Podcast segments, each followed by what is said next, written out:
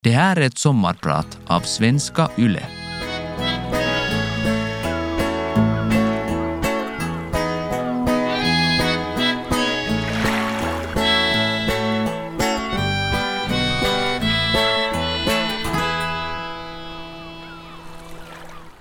Jag var bara ett lågstadiebarn när jag träffade min fru för första gången. Och kanske är det inte så ovanligt att folk gifter sig med någon som de har gått på samma klass med i skolan. I vårt fall var det ändå lite annorlunda. Så här var det. Jag hade fått min första keyboard av mina föräldrar när jag var fyra år gammal. De hade märkt att jag alltid drogs till vänners pianon då vi var på besök någonstans. Och jag hade väldigt lätt för att plocka ut nya melodier som jag hörde. Ganska snabbt började jag åka omkring och uppträda på olika fester i bygdegårdar runt om i Österbotten. Det var på en sådan fest vi möttes för första gången. Jag och min fru Helen. Jag stod i hörnet under en stor julgran och spelade. Hon satt i publiken med sina små barn i famnen. Jag var åtta år gammal och hon var 20 plus och småbarnsmamma. Om någon där då hade sagt till henne att den här ungen som står i hörnet och spelar keyboard är din blivande man hade hon säkert blivit arg och gått därifrån. Eller skrattat och skakat på huvudet och sagt att det här är en omöjlighet. Men det omöjliga blev möjligt. Förstås inte där och då. Men senare i livet när vi båda var vuxna och en 14 års åldersskillnad inte längre var ett hinder. Lätt var det inte till en början. Det ledde förstås till krossade hjärtan och mycket upprörda känslor. Men sånt händer tyvärr ibland när man lever så kompromisslöst som jag valt att göra.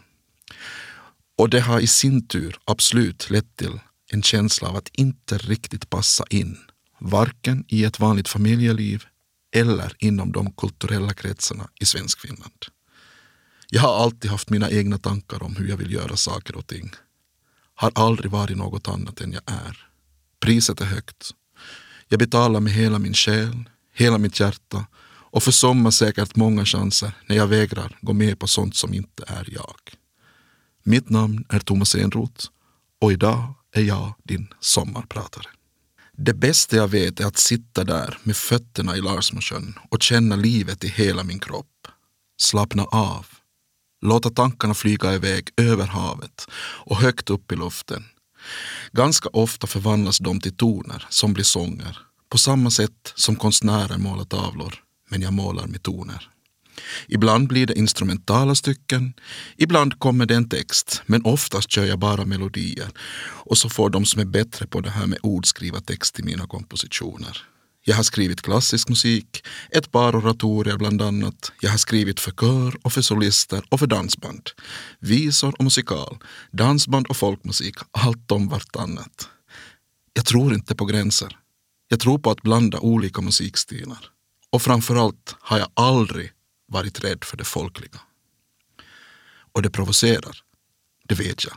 Det finns många människor i musikbranschen som bara sitter i sina egna läger och sysslar med en enda sak och sätter mycket energi på att se ner på det som andra håller på med.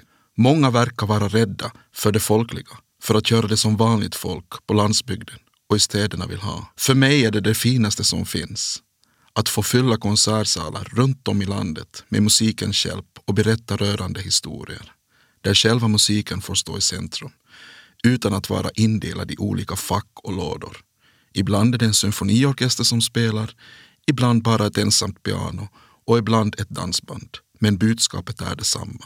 Men som sagt, det provocerar en del. Och det gör att dörrarna stängs till finrummen.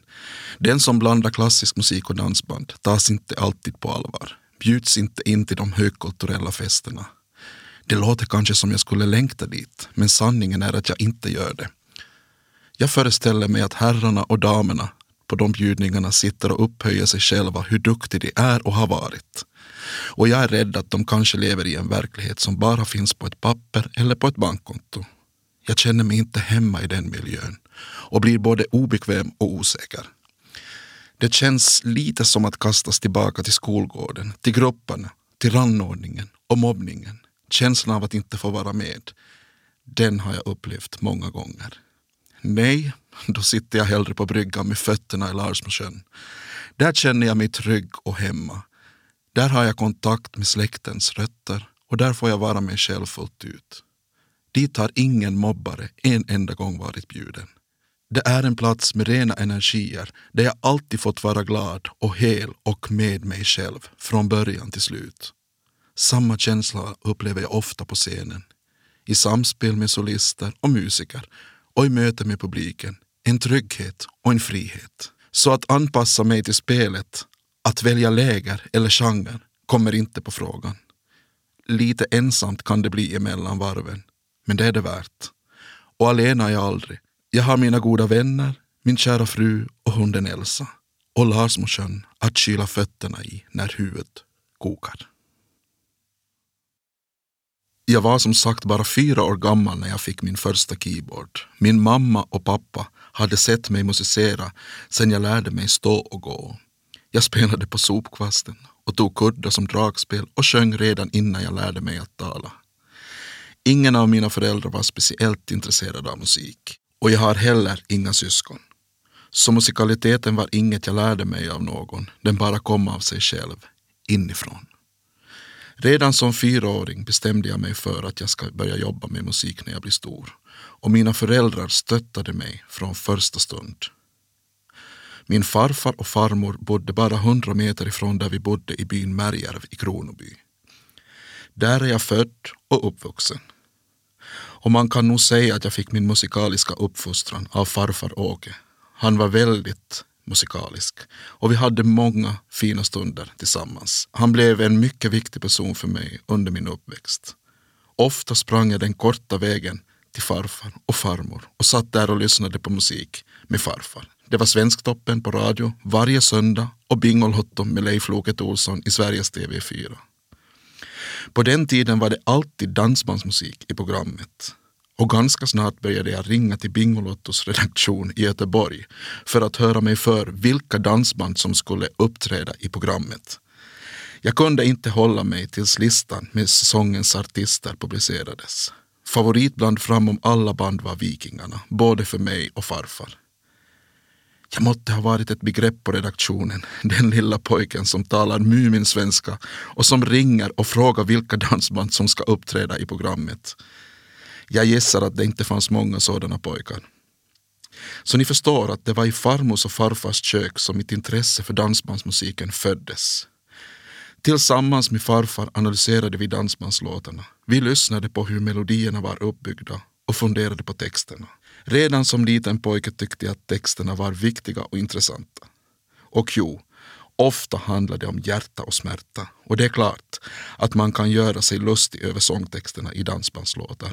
Men samtidigt var det bättre än att sjunga om oförställd och naiv kärlek i vår hårda och cyniska värld. Nej, mera kärlekssånger till folket säger jag. Dessutom finns det många dansbandslåtar som handlar om mycket annat än sockersöt kärlek. Jag tänker till exempel på Björn Afzelius underbara sånger som många dansband har tolkat. Det var i farmors och farfars kök som jag alltid uruppförde mina egna dansbandslåtar som jag snart började komponera Farmor kokade kaffe. Allting stillnade. Och det var högtidlig stämning. Där satt de på varsin köksstol, farmor och farfar. Och jag slog igång med första ackordet på min nya låt. Jag tror att det är mycket viktigt att ta barn och deras drömmar och kunskaper på allvar. Det får man en bra självkänsla av. Min farfar hann tyvärr aldrig uppleva den guldskiva jag fick med det svenska dansbandet Lasse Stefans. Men farfar levde tills han blev 84 år, så han fick nog uppleva att flera av stora svenska dansband spelade in mina låtar. Och han fick också se Elisas uppträda med min låt inför en miljonpublik i det kända svenska tv-programmet Dansbandskampen. Då var han stolt. Skolan gick inget vidare. Jag var egentligen bara intresserad av musik. Jag hade ju redan som fyraåring bestämt mig för att jag skulle bli musiker och fattade därför aldrig varför jag skulle intressera mig för geografi eller biologi eller kemi. Socialt var det också tungt. Alla andra lyssnade på rock och pop. Jag älskade dansband. Inte bara att lyssna på dansband utan, som sagt, också att skriva egna dansbandslåtar och uppträda med dem. På fester i byn och till och med i skolan. Och det är klart att det stack i ögonen på folk. Och visst blev jag mobbad. Men redan då brann jag för min sak och vägrade kua mig. Jag bara fortsatte att gå min väg, också om det många gånger var ensamt. Jag kände helt enkelt inte att jag hade något gemensamt med mina jämnåriga. Många gånger umgicks jag mera med mina lärare än med andra elever. Mobbningen tär förstås på en självförtroende. Men har man en sund självkänsla så överlever man allt. Och det hade jag. Mobbarna lyckades aldrig knäcka mig. Jag upplevde aldrig själv att mobbningen var mitt fel.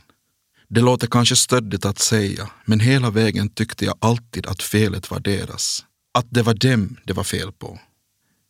Den styrkan och den självkänsla fick jag absolut av den kärlek som jag fick av mina föräldrar och mor och farföräldrar. Så visst var det en stor lättnad när grundskolan äntligen tog slut. Då packade jag mina väskor och flyttade till Vasa där jag gick ett år på en folkhögskola och studerade musik.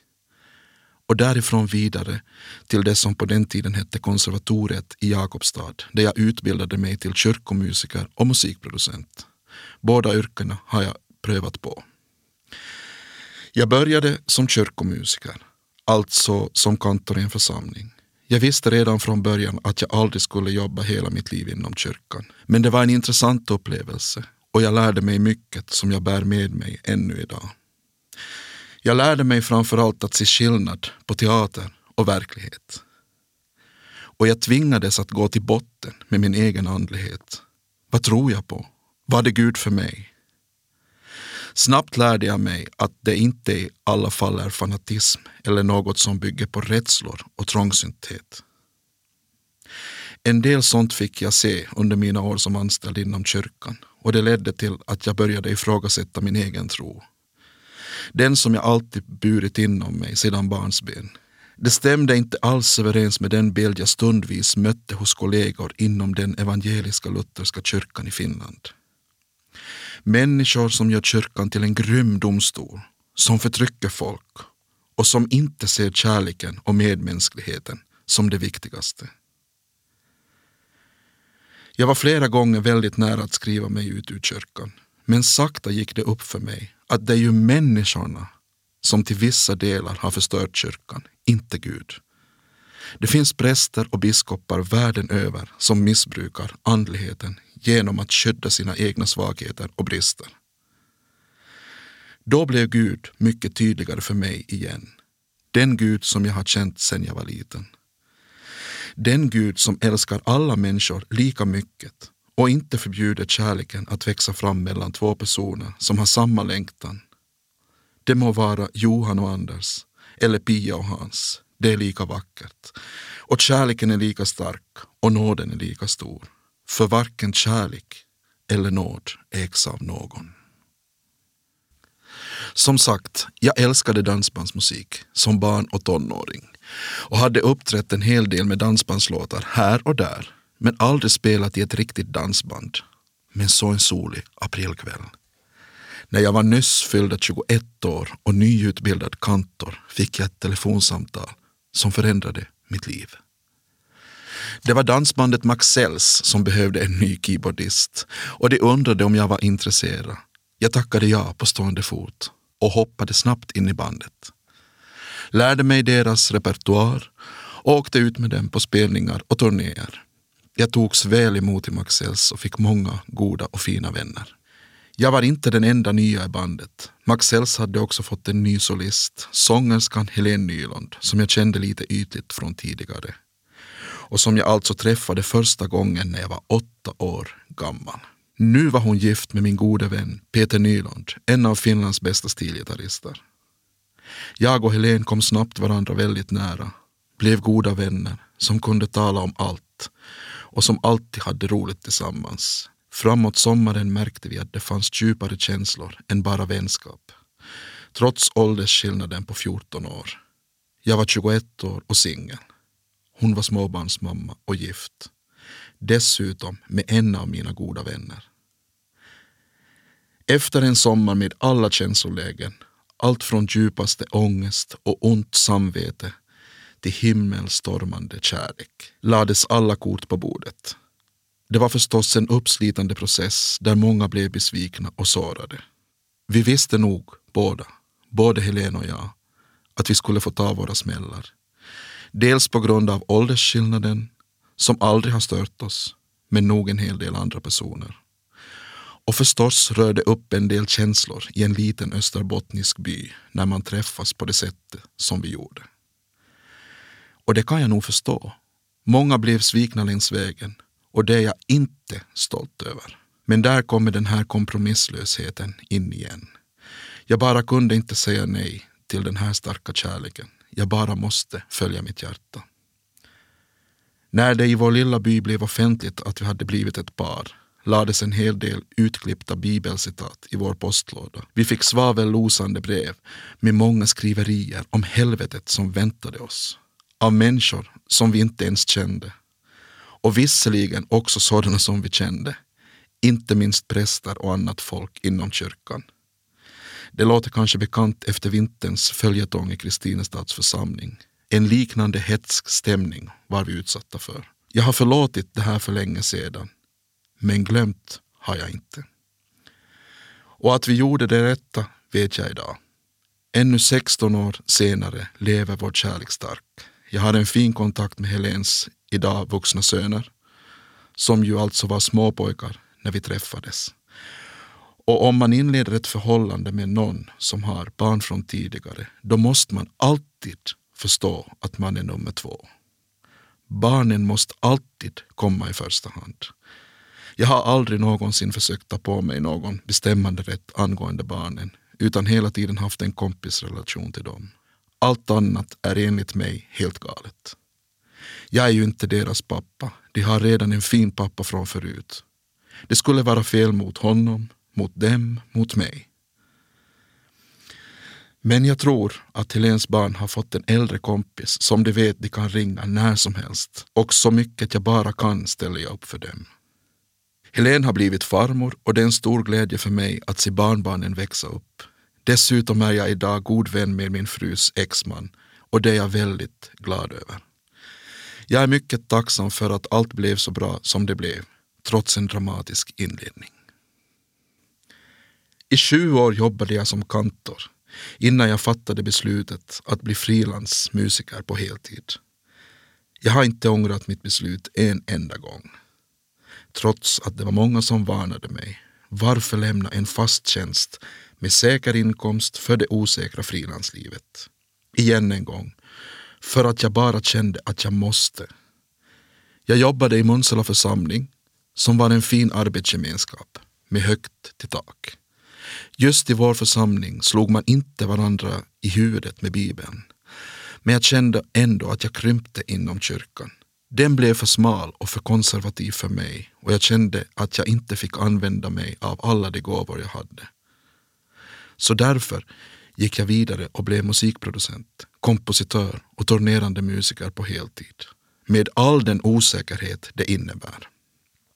Men också all frihet. Man har ett stort ansvar som företagare och det finns ingen annan att skylla på än sig själv när det går illa. Men på samma sätt kan man också glädja sig extra mycket när man har lyckats. Man vet att man har skapat något och uppnått det själv, förstås med hjälp av andra. Jag upptäckte ganska snart att många människor i mina hemknutar tänkte lite snävare än vad jag själv tänkte. Jag ville tänka lite större och därför sökte jag mig mot Sverige. Jag hade turen att komma i kontakt med fina musiker och människor såsom Lasse Berghagen, Kalle Kindbom och Kalle Ösnitz. De lärde mig och lär mig fortsättningsvis otroligt mycket. Jag är ödmjukt tacksam för att jag sökte mig till folk som lärde mig att ta ansvar, att uppföra mig, att se till att det man tar på sig genomförs till fullo.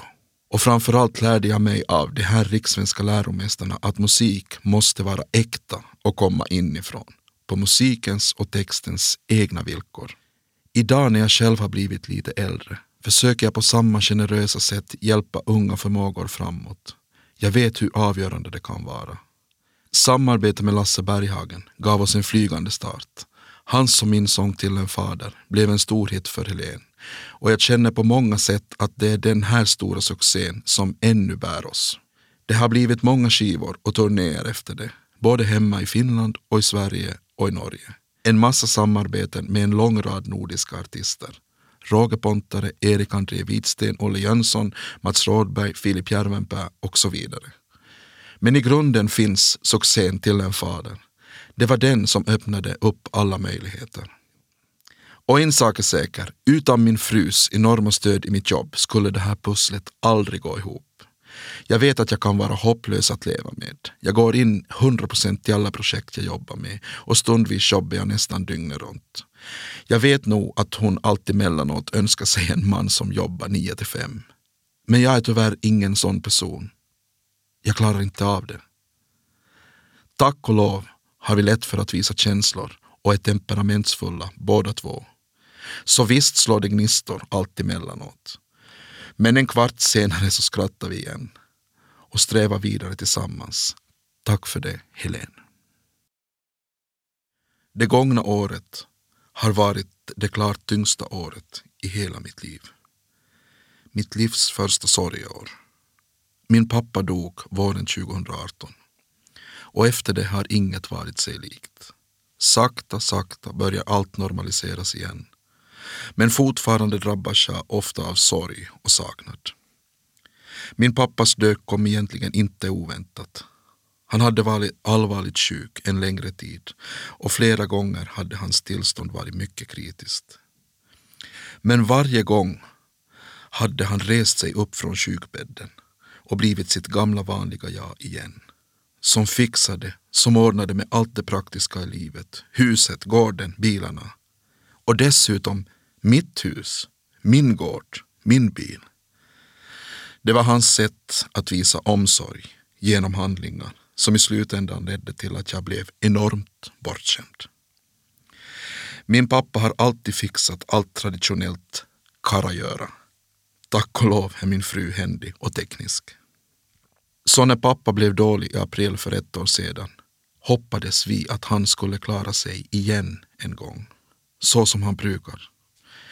Läkarna testade en massa olika mediciner och för varje medicin de testade borde kanske hoppet ha dött. Men det var faktiskt tvärtom. In i det sista hoppades vi att det skulle ordna sig. Men så blev det inte. Under de tre veckorna på sjukhuset bröts pappas hälsa sakta men säkert ner, dag för dag.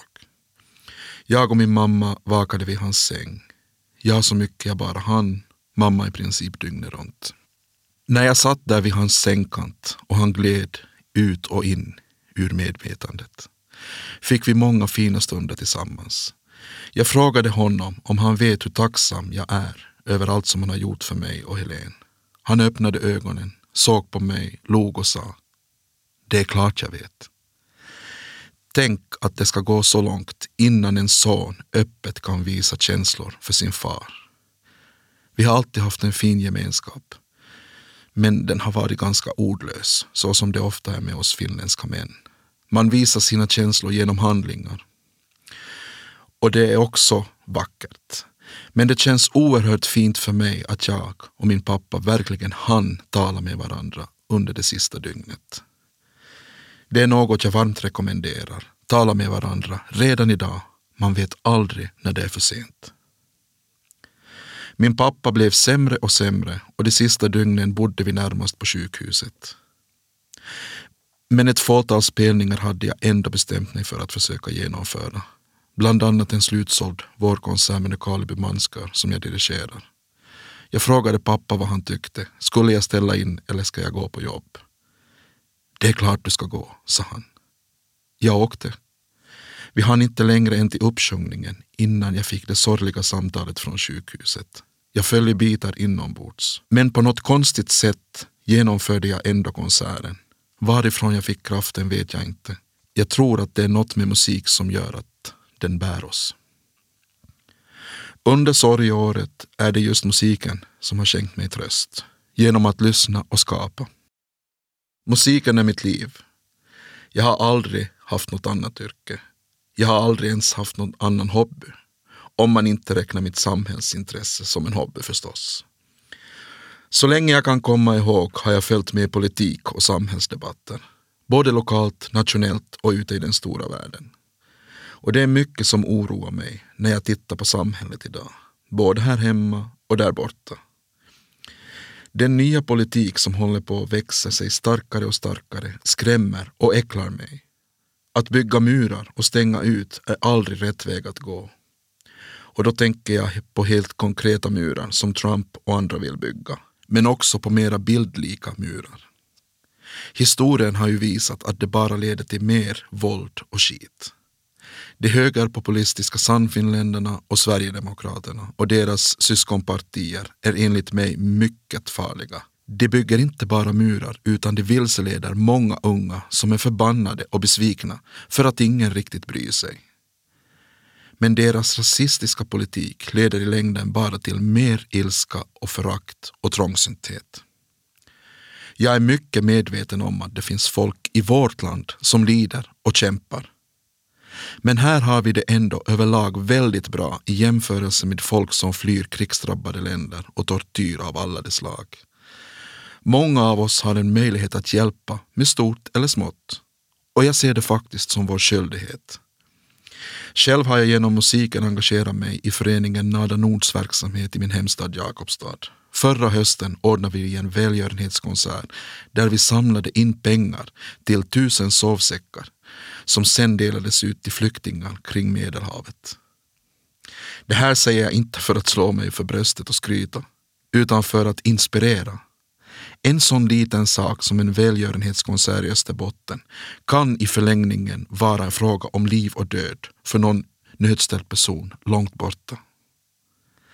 Att jobba för en bättre värld är inte att leva i en fantasi, utan att leva i en verklighet där varje liten gärning, varje litet steg, varje sätt att ge en hjälpande hand åt den som behöver är guld. Både för dig själv och för mottagaren. Jag uppmanar dig att våga drömma fritt och stort. Jag kan inte lova att din dröm blir sann. Men är du beredd att jobba mycket och vara stark i din tro på dig själv och ditt mål, så tror jag att det är möjligt.